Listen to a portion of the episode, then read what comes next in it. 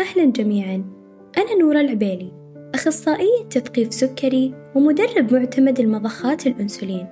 بكون معاكم في بودكاست أنسولين الصديق الجديد للسكريين والسكريات وعوائلهم. من عيادتي أبنقل لكم التجارب والمعلومات الطبية الموثوقة والدعم النفسي اللي تحتاجونه. بالإضافة لمهارات جديدة بنكتسبها سوا. وهذا من خلال واقع اليومي في العيادة واقع مرضاي بحكم تعايشي اليومي معاهم.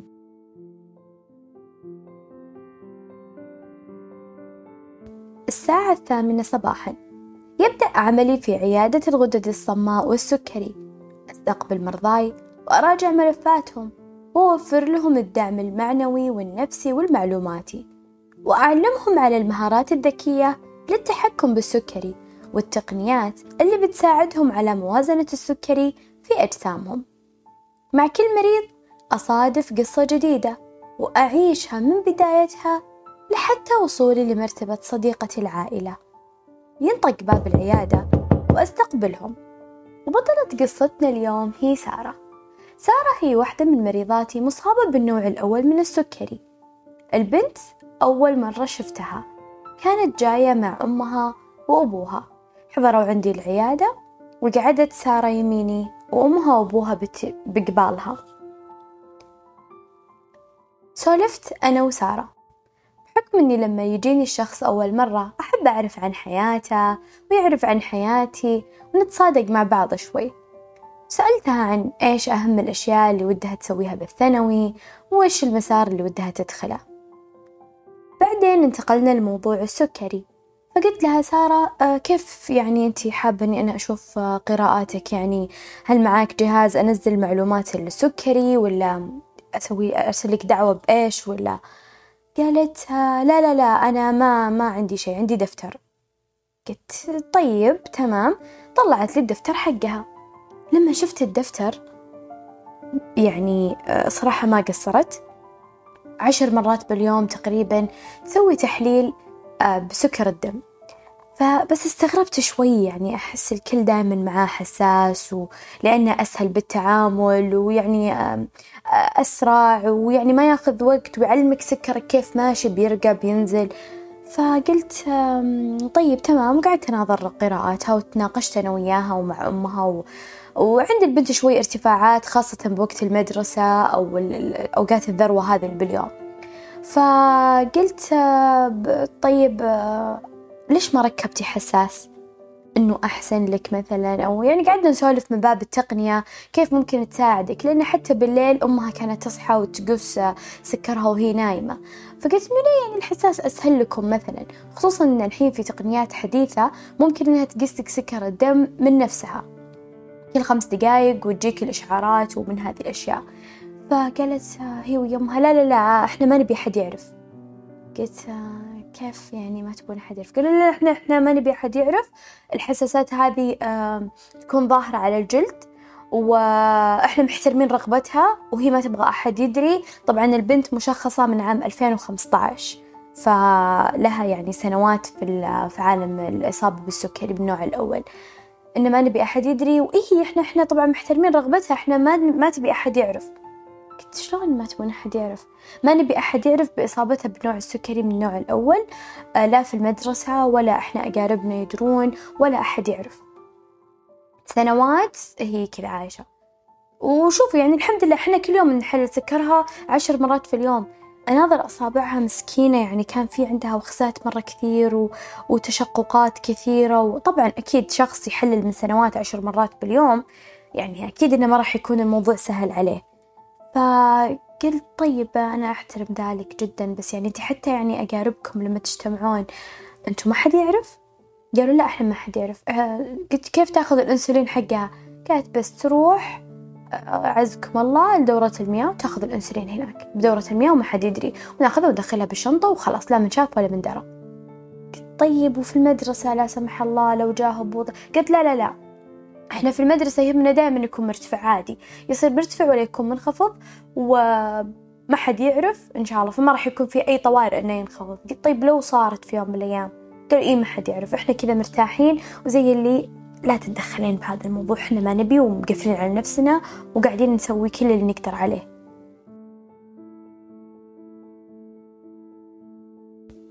فاستوقفني هذا المو يعني استوقفني هذا الموقف كثير. من متى صارت الإصابة بالنوع الأول من السكري عار؟ هو أو غيره من الأمراض. من متى كان هذا الموضوع عار وينخجل منه سبحان الله كيف إن في عوائل جدا رائعة. تدعم طفلها مهما كان عنده. تخليه تعزز من ثقته سواء طفل أو مراهق أو طالب بالجامعة أو أي أحد من أفراد العائلة. أصيب بحاجة معينة بس إحنا هنا قاعدين نتكلم عن النوع الأول من السكري فما ودي أشتت الموضوع. فسبحان الله كيف في عوائل تدعم. إذا كان الطفل صغير كيف تعاملت معاه ومراهق يبهروني. ما شاء الله تبارك الله. صار الواحد واثق من نفسه. آه بالعكس صار يستنى الفرصة يعني خصوصا الصغار لاحظت فيهم يحب إنه يكشخ على اللي معاه. يحب لما الواحد يسأله يعني الأطفال لما يسألون هذا الناس اللي عززوا من ثقة أطفالهم آه لما أحد يجي يسأله من الأطفال إيش هذه الإبرة ولا إيش هذه المضخة ولا إيش هذا الحساس يحب يهايط. يحس إنه هو الدكتور. قبل ما أتعمق بالكلام مرة في تويتر آه شفت أحد نزل عن آه لو صار لك يوم واحد لو أتيحت لك الفرصة بأنك تقعد يوم واحد غير مصاب بالسكري فإيش بتسوي؟ فلازم لازم الحين تسمعون قصة البطل مشاري صديق السكري مشاري العنزي لما سألته أخته إيش ودك؟ أو إيش رأيك لو مر يوم كامل وأنت مش مصاب بالسكري؟ فلازم تسمعون إيش قال. يلا السؤال اليوم يا مشاري يقول لك تخيل تعيش يوم واحد بدون ما تكون سكري إيش شيء ممكن تسويه أبو سالم ابوه شوف يعني تخيل نفسك يوم واحد تصير ما أنت سكري ما فيك سكر ولا أنت من أصدقاء السكر إيش تسوي بذا اليوم؟ أزعل. مرة. ليه تزعل؟ يا أخي أحب الأنسولين ما أقدر أغير. حلوة إجابتك. غير كذا ما تتخيل نفسك أنت ما أنت سكري. أنت الحين سكري. لو أنا ماني سكري بحزن. آه. آكل أكل لما تصير صدق سكري أنا زعلانة. ما إني سكرية زيكم. أبغى أصير سكرية حلوة زيكم. خلاص ادركوا لي يجيك الناس ثاني. وعن أي وفاء يا مشاري نتحدث؟ عن أي وفاء نتحدث؟ يعني شوفوا ما شاء الله هو مو شايف حتى ما شاء الله تبارك الرحمن هو مو شايف حتى أني أنا أعيش يوم كامل بدون يعني بدون يعني بدون ما أكون شخص مصاب بالسكري يشوف إنها يعني يشوفها شيء عادي يعني لا أنا أحب الأنسولين أنا لو ما أنا مصاب بالسكري أنا زعلان. يعني ما شاء الله تبارك الله إيش قدمت هذه العائلة لطفلها وكيف تأثيرهم تأثير هذا الموضوع عليها؟ خلاص ما شاء الله الإحساس بالثقة. الإحساس أهم شيء إنه ما يحس إنه ناقص. قاعد يشوف إن الحياة طبيعية جدا لدرجة إنه أنا بزعل لو ما كنت كذا. لأنه قاعد يشوف يمكن إنه هذا شيء مميز بالنسبة له. قاعد يشوف يعني في اهتمام معين. أو المهم إنه ما شاء الله تبارك الله طبعا هو أحد النماذج المقربة لقلبي آه اللي هو مشاري آه أحد النماذج القريبة لقلبي ونجاح هذه العائلة بالثقة مع طفلهم. طيب فردة فعلك أنت أو أنت كأب أو أم وتقبلكم للمرض تأثر على طفلكم. فلما أنت أو أنت تكون مع طفلك إنه عادي وإحنا سوا وتحس أن الموضوع عادي وهي مجرد خطوات إحنا نسويها. حتى أنا دائما أقول لمرضاي اللي يسوونه مرضى السكري هذا المفروض اللي كلنا نسويه. من ناحية الحياة اليومية أو مثلا حساب ال carb دائما أقول إحنا نحسب سعراتنا. مفروض عشان أوزاننا ما تزيد عشان نكون في صحة أفضل. آه، مفروض هذا أي شخص اللي يسويه مريض السكري هو قاعد يسويه بحياته ال- ال- العادية. فحتى هذا الشيء يسهل على العائلة أنه يكون نمط حياتهم في البيت كله متشابه. فما يحس الطفل أو ال- المراهق أو المصاب عندكم بالبيت باختلاف الأعمار ما يحس بالنقص. وهذا شيء الحمد لله يا رب لك الحمد. يعني دفعة كويسة أن العائلة كلها تتغير وتدعم طفلها بكل شيء. ردة فعلك وتقبلك للمرض تأثر على طفلك. يعني للي سمعوا الحلقة الأولى كنت سألتهم إنه في أي مرحلة من تقبل المرض أنتِ؟ هل أنت متقبلة مو متقبلة؟ آه قاعدة آه مسوية كل شيء آه من, من, من استخدام تقنيات أو يعني حساب كربوهيدرات أو أو, أو تاركته ولا أنت فعلا أنت تبين تتغيرين؟ فأنت في أي مرحلة من تقبلك للمرض هذا يأثر على طفلك. فعندنا أنواع للأمهات اللي موجودين عندنا بالبيوت أو اللي مسؤولين عن أطفال السكري. في الأم اللي أهملت نفسها وعيالها الباقيين كلهم. ركزت على الطفل اللي عنده سكري النوع الأول وضغطت عليه لدرجة إنه كره نفسه. لأن تخيلوا أحد كل الوقت يناظر أكلك يناظر شربك يناظر أنت قمت تتمشى تمشي ولا ما تمشي. آه قمت ها أخذت تبرتك ولا مدري ما حد يحب أحيانا الضغط. فالطفل كره نفسه وكره الإصابة كلها. بعض الأمهات حريصة أنها تدقق على كل أكل وحرمته من أشياء يحبها غيرت نظام البيت كامل لنظام صارم. وحتى إخوانه صاروا يعني خلاص مثلا ما ياكلون أكل يبونه ما يشترون من فترة لفترة أشياء يبونها. صاروا حتى أطفال إخوانه يتضايقون منه. فصار انعكس هذا الشيء على الطفل بأنه صار يحس بضعف بالشخصية ويعني آه إن إخواني ما يبوني أو أنا اللي كله مني أنا صرت ما ناكل كله مني ما شرينا آيس كريم كله مني.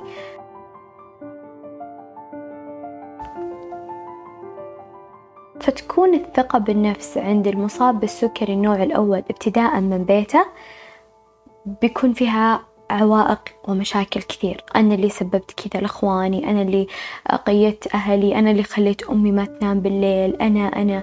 خصوصا حتى لما تكونين أحيانا متضايقة من حاجة معينة وكنت تفضفضين لأحد من صديقاتك أو قرايبك ليكون قدامه.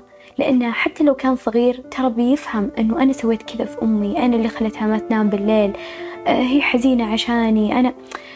فيبدأ يكبر بشخصية مهزوزة وعدم ثقة بالنفس وعدم تقبل للمرض حتى لو ما قاله صريح.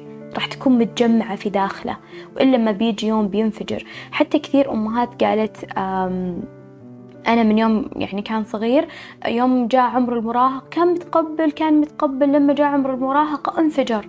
صار يعاندني صار ما يبغى ياخذ جرعته صار ما يبغى ياخذ تصحيحية صار صار. هذه كلها تراكمات تبدأ من الصغر.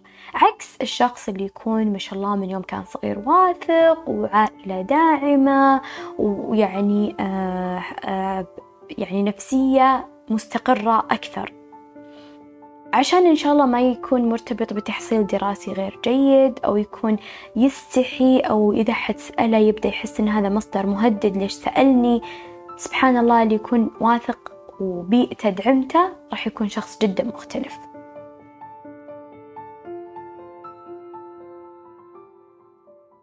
راح نتكلم الحين عن كيف تعززين من ثقة طفلك المصاب بالنوع الأول من السكري. طيب في كذا نقطة إحنا لازم نتفاهم فيها أو نتفق عليها. وأولها اللي هي كلام الناس أو أسئلة الناس الموجهة لك أو له أو كلكم مع بعض. طبعا إحنا نتمنى ويا ليتنا نقدر إن نخلي الناس اللي حولنا ما يسألون عن أشياء حساسة بالنسبة لنا أو أشياء خاصة فينا. ولكن ما نقدر. يسألون أحيانا بداعي الفضول أو التعلم أو الاهتمام وتختلف الأسباب. ولكن الأسئلة هذه أنت تقدرين تخلين طفلك ولك أنت أيضا أنك تحولين هذه اللي باعتبار أنك تشوفينها نقاط ضعف إلى نقاط قوة. وكيف؟ مثلا إذا انتبهتي أن الأطفال يسألون آه، طفلك آه، إيش هذه الإبرة؟ ليش تاخذ الإبرة؟ ليش تاخذها قبل الأكل؟ وش هذا الحساس اللي أنت مركبة؟ وش هذا اللي على جلدك؟ من هذه الأسئلة الفضولية عند الأطفال. لا تبينين لطفلك إنه أنت تتحسس أو هذا ما يصلح. أو يا الله أو تدارينه بالعكس حوليها لنقطة قوة. كيف؟ قولي له قولي والله أنت ما شاء الله شفتهم ما يعرفون. ما يدرون إنك ما شاء الله تبي تصير دكتور أنت شكلك ولا أنت أصلا دكتور؟ ما شاء الله عليك أنت يعني علمهم كأنك كذا يعني إن أفتخر عليهم بال بال بالمعلومات اللي عندك. والأطفال ترى مرة يحب يحس إنه هو اللي ما شاء الله يعني الفاهم وغير الناس. يحب الطفل خصوصا في الأعمار اللي من الثمانية وفوق ثمان سنوات وفوق يحب يحس بالتميز. فهذا الشيء الأول. الشيء الثاني اللي هو آه، طفلك آه، يحتاج إنه يعرف الأجوبة. يعني لما يسألك عن آه لما أنت تجين وتعلمينا إنه إحنا ليش لازم نغير رأس الإبرة؟ بدل ما تعطينا بصيغة الأمر صيغي صيري أعطيه بصيغة السوالف. إحنا لازم نغير رأس الإبرة عشان ما تتلوث وعشان تصير ما تعورك لأن هي استخدام واحد. الاستخدام الثاني يعورك أكثر. فيصير خلاص هو أي شيء يسويه يصير يعني أعطيه إياه بصيغة السوالف وبصيغة الإقناع. أنا أقول لك سوي كذا مو عشان أمرك عشان كذا. نغير كذا عشان كذا. هذا شيء ثاني. طيب.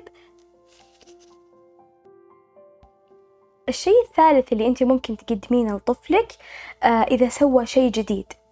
أي شيء جديد يسويه في عالم السكري أو صار يعرف أشياء معينة أو ما شاء الله انتقلتوا لمرحلة إنه هو اللي ياخذ الإبرة بنفسه بدأ أشياء كثيرة هو اللي يجيب الإبرة بنفسه من الثلاجة ويذكرك فيها. مثلا آه صيري أثني عليه قدام إخوانه أو قدام أهله آه قدام أهلك. شوفوا ما شاء الله فلان أو فلانة صارت كذا. يحبون يحسون إنه حقق أهداف ومشى فيها كويس. طيب الشيء الرابع لما أنتي تسوين معاه أهداف معينة صغيرة. يلا خلينا ذا المرة آه آه كل مرة نغير رأس الإبرة. خلينا كل مرة ناخذ آه جرعة الأنسولين قبل بربع ساعة. هذه تعلمه حتى الصبر. يلا خلينا نحسب إذا للناس اللي على حساب كربوهيدرات يلا خلينا نحسب مع بعض. يلا أنت أنت هذه المرة احسب كل شيء بنفسك. كل مرة سوي معاه أهداف صغيرة تلقينها تكبر معاه. ومن الأشياء أيضا اللي تفيد أنك يعني أبدا ما تعزلينه إذا جاء وقت ياخذ الإبرة أو هذه الأشياء كلها أبدا حتى لو كنتوا في مكان عام. بالعكس خليه عادي يفتخر وكأنه شيء عادي. راح يكبر بأنه فعلا هذا شيء عادي. ياخذ الإبرة في المطعم ياخذ الإبرة في قهوة أو ياخذها بأي مكان. ومن الأشياء اللي جدا جدا مهمة اللي هي تقسيم المهام في المنزل. وكيف طريقة تقسيم المهام في المنزل إذا كان عندنا أحد أفراد العائلة مصاب بالسكري. طيب أول شيء لازم نحدد المهام بين الطفل نفسه والأم والأبو والإخوان الكبار أو إخوانه اللي أصغر منه. طيب هذا الشيء الأول. الشيء الثاني لكل طفل في مرحلة عمرية له مسؤوليات يتبعها. إحنا راح نقسم الحين الفئات لثلاث فئات. إذا كان الطفل أقل من ثمان سنوات وإذا كان الطفل من ثمانية إلى 12 سنة وإذا كان فوق 12 سنة. خلاص؟ فلكل أب وأم في هذه المرحلة العمرية لهم مسؤوليات يتبعونها ونتقيد فيها. أو أخو أو أخت كبيرة إذا كانت تسمعني. فإحنا لازم نكون عائلة واحدة نتعايش مع السكري مع بعض. طيب لو كان الطفل أقل من ثمان سنوات فهذا أكيد مئة بالمئة راح يكون اعتماده على أمه وأبوه. راح يكون كل شيء عليك. كل شيء عليك آه لأنه فعلا طفل صغير. ممكن أنك فقط بس تعززين من ثقته بالإجابة على الأسئلة بتشتغلين على السلوكيات نفسها عشان بس تهيئين أنه يتقبل ال ال الإصابة بالسكري. طيب؟ لأن بعد هذه الفترة جدا مهمة لأن هي اللي راح تأثر عليه مستقبلا إذا كان متقبل أو مو متقبل. فهذا شيء مرة آه راح تكون في هذه الفئة العمرية راح يكونوا معتمدين تماما على الأم والأبو اللي هم أقل من ثمان سنوات. بعدين من عمر السن آه من عمر سن 8 إلى 12 سنة هنا تبدأ المهارات زي الأهداف اللي أنا ذكرتها. يبدأ يأخذ الأنسولين بنفسه. أنت عاد يعني تقدرين تقيمين آه كل واحدة راح تقيم طفلها. آه يبدأ يتعلم حساب الكربوهيدرات لأنه في المدرسة فأكيد راح يكون بعيد عنك. يبدأ أنه يعرف كيف طريقة الحفظ إذا خصوصا إذا كان ماخذ الأنسولين معاه بعيد عنك آه يعرف مثلا طريقة تصحيح الانخفاض الارتفاع تبدين أنت معاه بمهارات بسيطة وت يعني تطلعون الدرج مع بعض. فوق 12 سنة هنا مفروض أنك أنت وصلتي طفلك لمرحلة جدا يعني عالية. من الثقة وإنه صار يعرف يسوي أشياء وأنت تكونين فقط مسؤولة أو فقط يعني تراقبين الأوضاع من بعيد لبعيد مع يعني تطمنين عليه من فترة لفترة وتكونين يعني إن شاء الله جدا واثقة هو مشى في الطريق الصح. ونبدأ نبني على هذا كذا. لو الطفل أصيب من عمر 12 سنة بتبدأ معاه من البداية أنك يعني تحاولين تخلينه يتقبل بعدين بعد سنة بتكون الفئات العمرية أسرع. لكن زي ما قسمناها قبل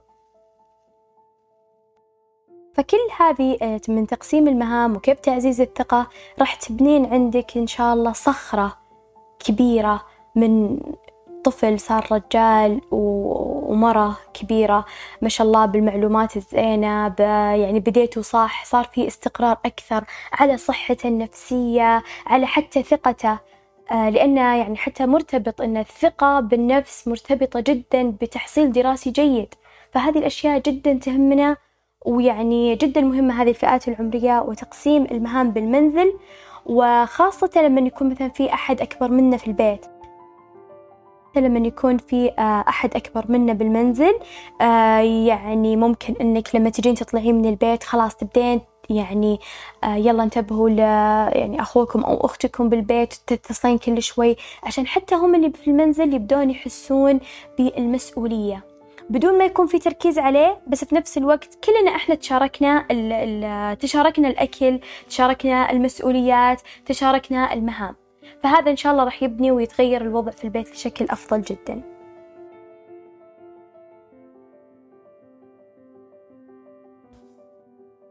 بشارككم موقف بسيط صار لي بالعيادة. الموقف كان آه، عندي آه، واحد آه، طفل مصاب بالنوع الأول من السكري ويا أخوه. كلهم مصابين بالنوع الأول لكن أخوه مراهق وأخوه عمره ثمان سنوات. وكان هذا اليوم هو اليوم اللي راح يركب فيه مضخة الأنسولين. فكان الولد مرة متحمس وركبنا له المضخة وما يسميها إلا ال BM الفئة السابعة ويعني كاشخ فيها وما حد قده. فقال لي نورة أنا أبي أعرف شكل البنكرياس أنا جتني الحين فكرة أبي أعرف وش شكل البنكرياس عندك شكله؟ قلت له إيه عندي. كان عندي زي الديمو كذا. فوريته إياه. قلت له هذا هذا شكل البنكرياس قال يما بسم الله الحمد لله إن عندي مضخة. فهو مرة ما شاء الله تبارك الله واصل مرحلة القناعة. إن عندي مضخة الحمد لله. مو بهالبنكرياس اللي شكله مو حلو. فهم حتى ما شاء الله عائلته يعني عائلة جدا داعمة له ولأخوه المراهق ويعني أهنيهم أيضا على هذا الشيء. آه فما شاء الله تبارك الله يعني.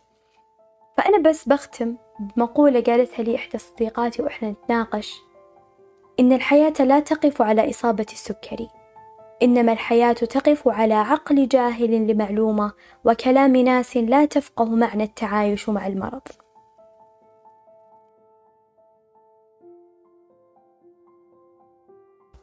أتمنى أن الحلقة أثرت عليكم بشكل إيجابي وعلى أطفالكم وثقتهم بالنفس وطريقة تعاملكم معاهم بإذن الله من اليوم ورايح. راح تجدون في وصف الحلقة الكتاب الأول لفهم مرض السكري وأن هذا الكتاب استخدمته في بعض الأشياء لإعدادي لهذه الحلقة. يسعدني تقييمكم وإضافتي بتويتر وراح تلقونها كلها موجودة في وصف الحلقة.